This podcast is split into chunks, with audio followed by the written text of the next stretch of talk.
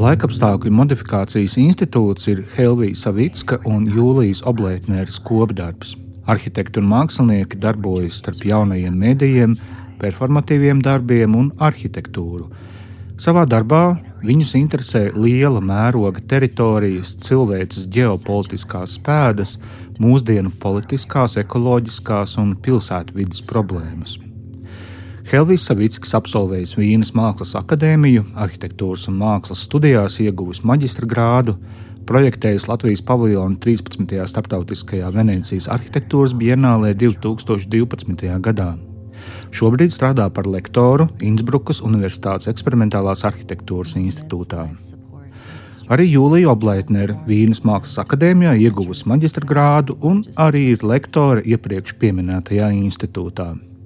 Jūlija ir piedalījusies 11 starptautiskās mākslas un arhitektūras izstādēs, tā skaitā Seulas arhitektūras un urbānismu bienālē 2019. gadā, kā arī vairākos Vīnes dizaina nedēļas projektos. Abu autoru veidotajā izstādē Laikapstākļu modifikācijas institūts, ar kuru iespējams iepazīties galerijā Māksla XO, izmantojot gan fotografijas, gan video sniegtās iespējas, tiek pētītas laikapstākļu izmaiņas Kalifornijas ūdens apgādes tīkla un arhitektūras infrastruktūrās, tostarp Losandželosas akveduktā, ūdens rezervāros, izžuvušajā Olvena ezerā un mākoņu sēšanas stacijās. Metropolēm izplešoties, ūdens apgādes infrastruktūra nebija pietiekama, un, lai nodrošinātu vairāk ūdens pilsētām, notika pievēršanās jaunām tehnoloģijām, proti, mākoņu sēšanai. To 1946. gadā izstrādāja Amerikas Savienotajās valstīs, un šodien ūdens kondensāta ģenerācijas princips tiek izmantots visā pasaulē. Pēdiņās klusi, ietekmējot laikapstākļus un vidi, un neatgriezeniski arī ekoloģiju, stāsta Jūlija Oblētnere we are not only interested in built environment, but like also in our environment. In Mūs kā autorus interesē ne tikai cilvēku uzbūvētā vide, bet vide visplašākajā kontekstā, sākot jau ar aizvēsturi un to, kā mūsu apkārtējā pasaule ir izmainījusies. Un te ir ļoti interesants pieredzes aspekts pamanīt, kā cilvēku grupu un pat sabiedrības savstarpējās attiecības izmaina veselus ainavu kopumus. Kā šīs attiecības pavisam praktiskā veidā izmaina vidi, kurā tās tiek dibinātas un risinātas. Infrastruktūras būvis ir pats redzamākais šo sabiedrisko attiecību rezultāts, Tomēr ir vesela rinda tādu darbību, kuru rezultāti nav pamanāmi ar neapbruņotu aci. Proti, kaut kādi tehnoloģiski mēģinājumi, par kuriem nav lemts uzzināt katram.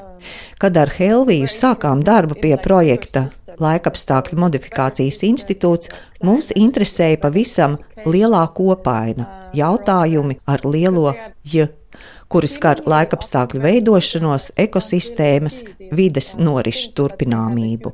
Un, protams, kā cilvēks ar zinātnes un tehnoloģiju palīdzību cenšas ietekmēt dabas procesus savu interešu vārdā. Šie centieni ļoti bieži nenonāk sabiedrības interešu lokā, jo gluži vienkārši tiek rūpīgi uzmanīti, lai neteiktu slēpti. Centrālais mērķis šo laikapstākļu izmainošo infrastruktūras būvju darbībā ir labāka dzīve pilsētā.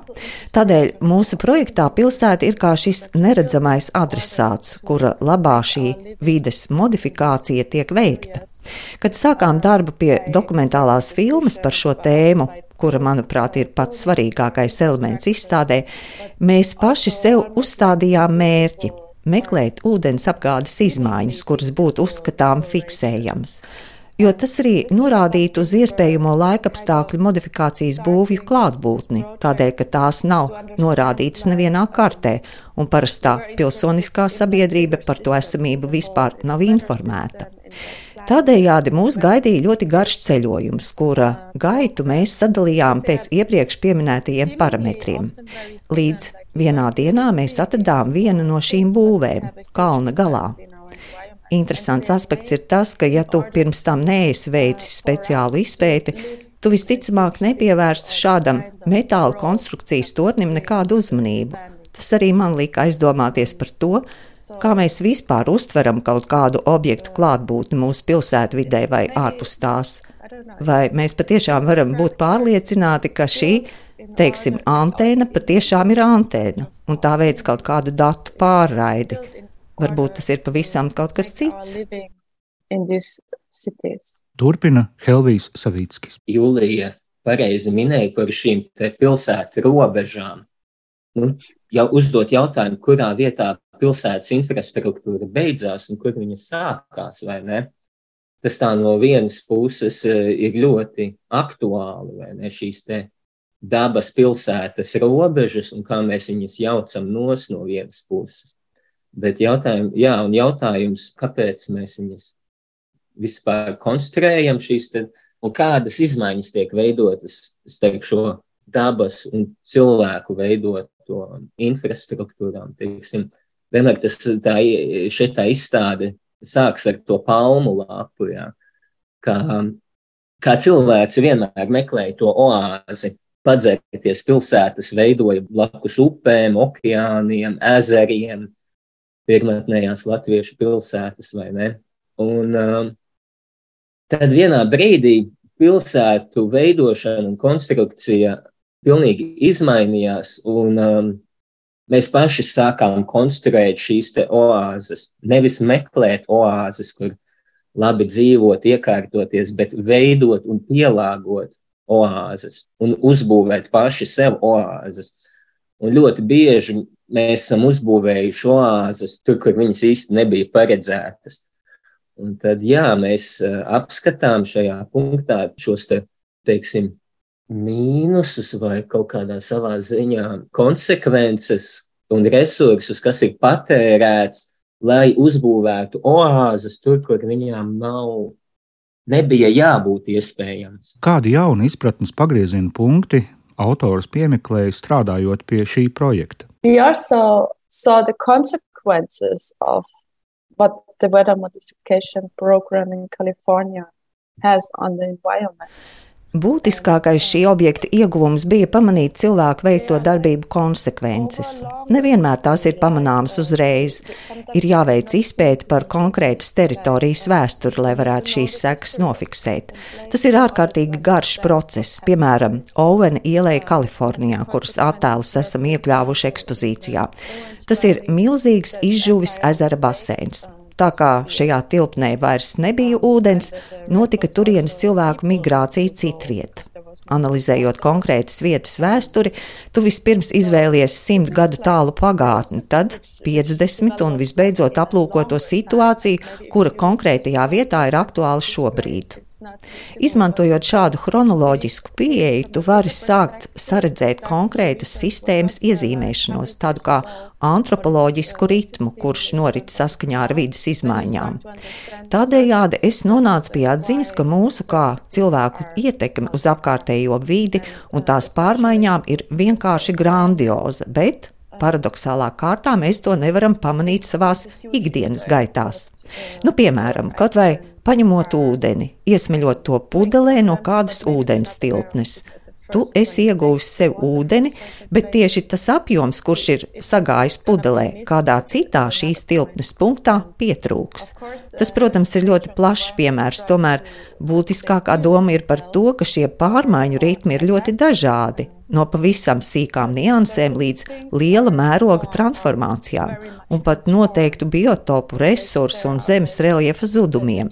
Šīs pārmaiņas notiek nemitīgi. Daba sevi spēj atjaunot un dziedēt, ja tā var teikt, tomēr ir kaut kādas robežas, kuras pārkāpjot šis dziedinājums nav iespējams.